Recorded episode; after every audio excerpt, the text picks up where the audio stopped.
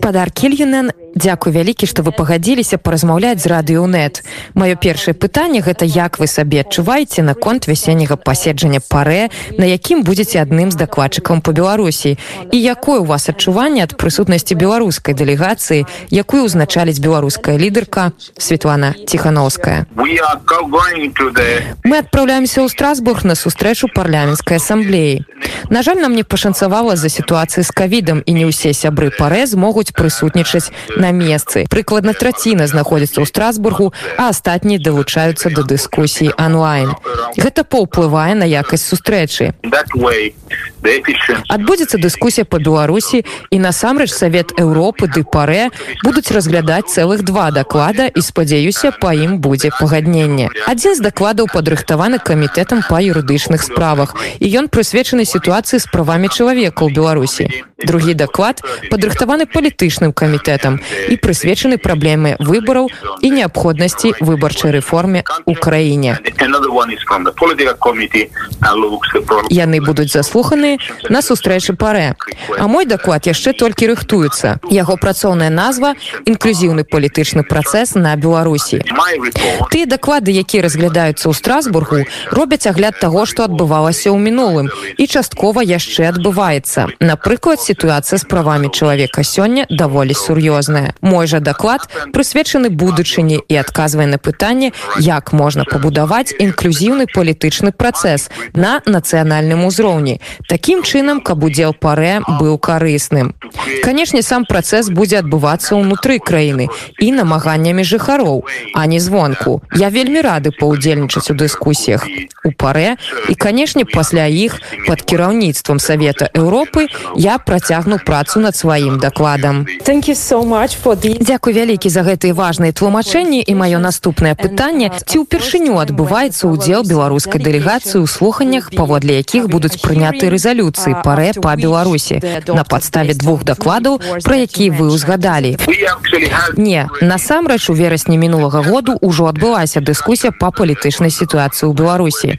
Хочу паведаміць што якой бы не была мэтай нашай дыскусіі ў парэ мы імкнемся толькі да аднаго канчатковага выніку. І гэта таксама канчатковая мэта і майго дакладу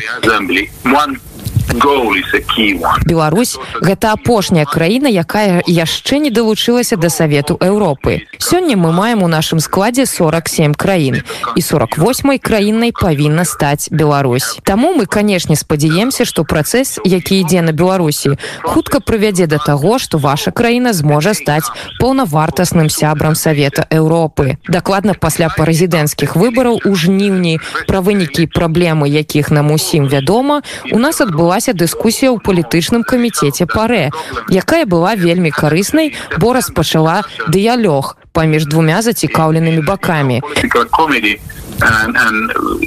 Светланай ціхановскай, якая была кандыдатам на пасаду прэзідэнта і Уладзімірам саннікам, кіраўніком нацыянальнага сходу ў камітэце замежных спраў. Гэта адбывалася у палітычным камітэце і беларускі бок быў прадстаўлены ў парэ упершыню ў гісторыі. Дзякуй вялікі. Маё наступнае пытанне тычыцца сутнасці тых дакладаў, паводле якіх будуць зроблены рэзалюцыі па Беларусі. Першы падрыхтаваны Францыі і падкрэслівае, што парушэнні правоў чалавека на Беларусі патрабуюць міжнароднага расследавання. Дарэчы, гэта адпавядае рэкамендацыям у межах маскоўскага механізму АБСЕ. Ці выглядае такі крок натуральным з вашага пункту гледжання? Адкажу такім чынам, што вельмі важна, што і ў савеце Еўропы быў падрыхтаваны даклад, які прысвечаны пытанню правоў чалавека. Я бы не хацеў параўноўваць падрыхтоўку нашага дакладу за ніякімі іншымі дакладамі на тэму правоў чалавека ў Беларусі.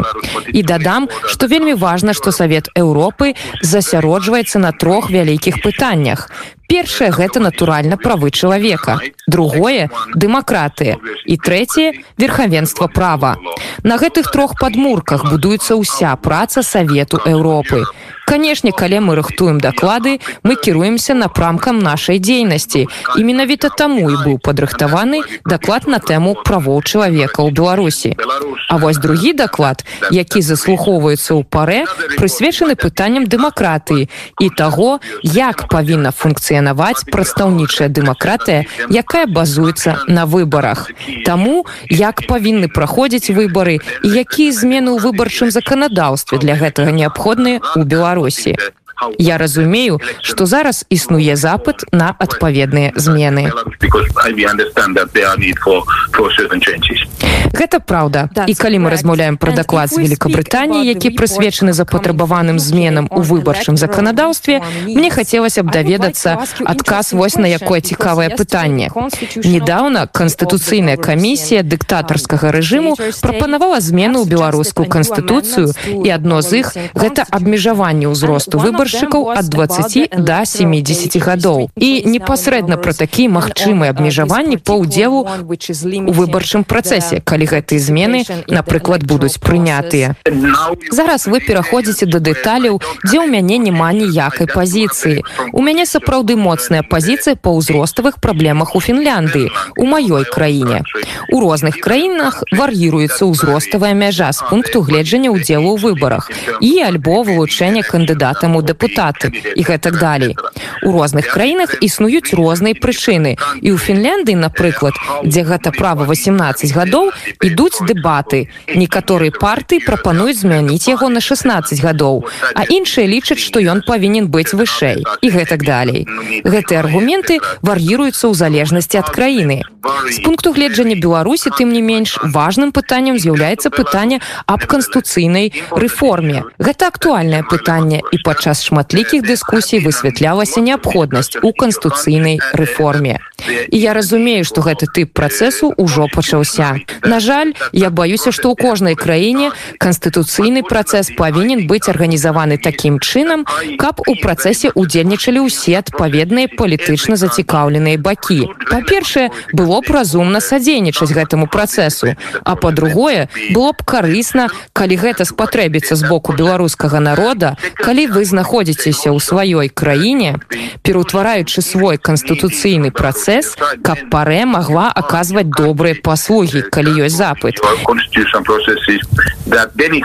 І для гэтага тыпу канстытуцыйнай рэформы Мы вельмі гатовы з боку рады Еўропы дапамагчы краіне, калі ёсць запыт на канстытуцыйныя змены. Але гэтае пытанне з узростам выбаршчыкаў і гэтак далей знаходзіцца ў вашых руках. І вы павінны самі вырашаць, што правільна. І калі гэта ўзгоднена кансенсусам, у любым вашым працэсе з пункту гледжання ўзгаднення канстытуцыі, відавочна гэта ўсеабдымны працэс.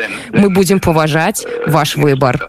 Дзякуй вялікі спадар. кінюнен маё апошняе пытанне тычыцца вашага хуткага візіту ў Беларусь. Што вы адчуваеце ды чакаеце ад гэтага візіту? І які ў вас магчымы план? ці будзе ваш даклад грунтавацца на гэтым візіце? менавіта.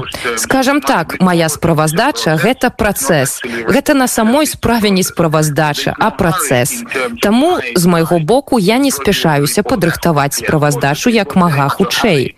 Астатнія вельмі спяшаліся падрыхтаваць свае даклады. І трэба было б растлумачыць сітуацыю. Праблемы правоў чалавека праблемы дэмакратыі і гэтак далей. Таму мой працэс падрыхтоўкі дакладу зойме больш доўгі час. Гэта па-першае. Па-другое абсалютна ясна што я не буду рабіць даклад пакуль сапраўды не сустрэнуся з зацікаўленымі бакамі ў краіне. З беларускімі зацікаўленымі бакамі ў краіне а можа і за яе межамі. З рознымі рознымі людзьмі з якімі мне трэба пракансультавацца Таму я знаходжуся ў вельмі эмбрыянічнай стадыі з пункту гледжання працэсу складання справаздачы. І відавочна галоўным пытаннем з'яўляецца як мага хутчэй правесці адпаведны візіт у краіну дарэчы пра беларусаў па-за межамі краінамі. Ці вы сустракаліся з прадстаўнікамі народнай амбасады беларусі у фінляндыі? Так я сустракаўся з некалькімі людзьмі ў фінляндыі і ў іншых месцах Таму што відавочна я вельмі гатова абмяркоўваць сітуацыю з усімі беларусамі бо гэта ваша краіна і з майго боку няма патрэбы спяшацца з падрыхтоўкай дакладу. Я вельмі адкрыты для абмеркавання з усімі.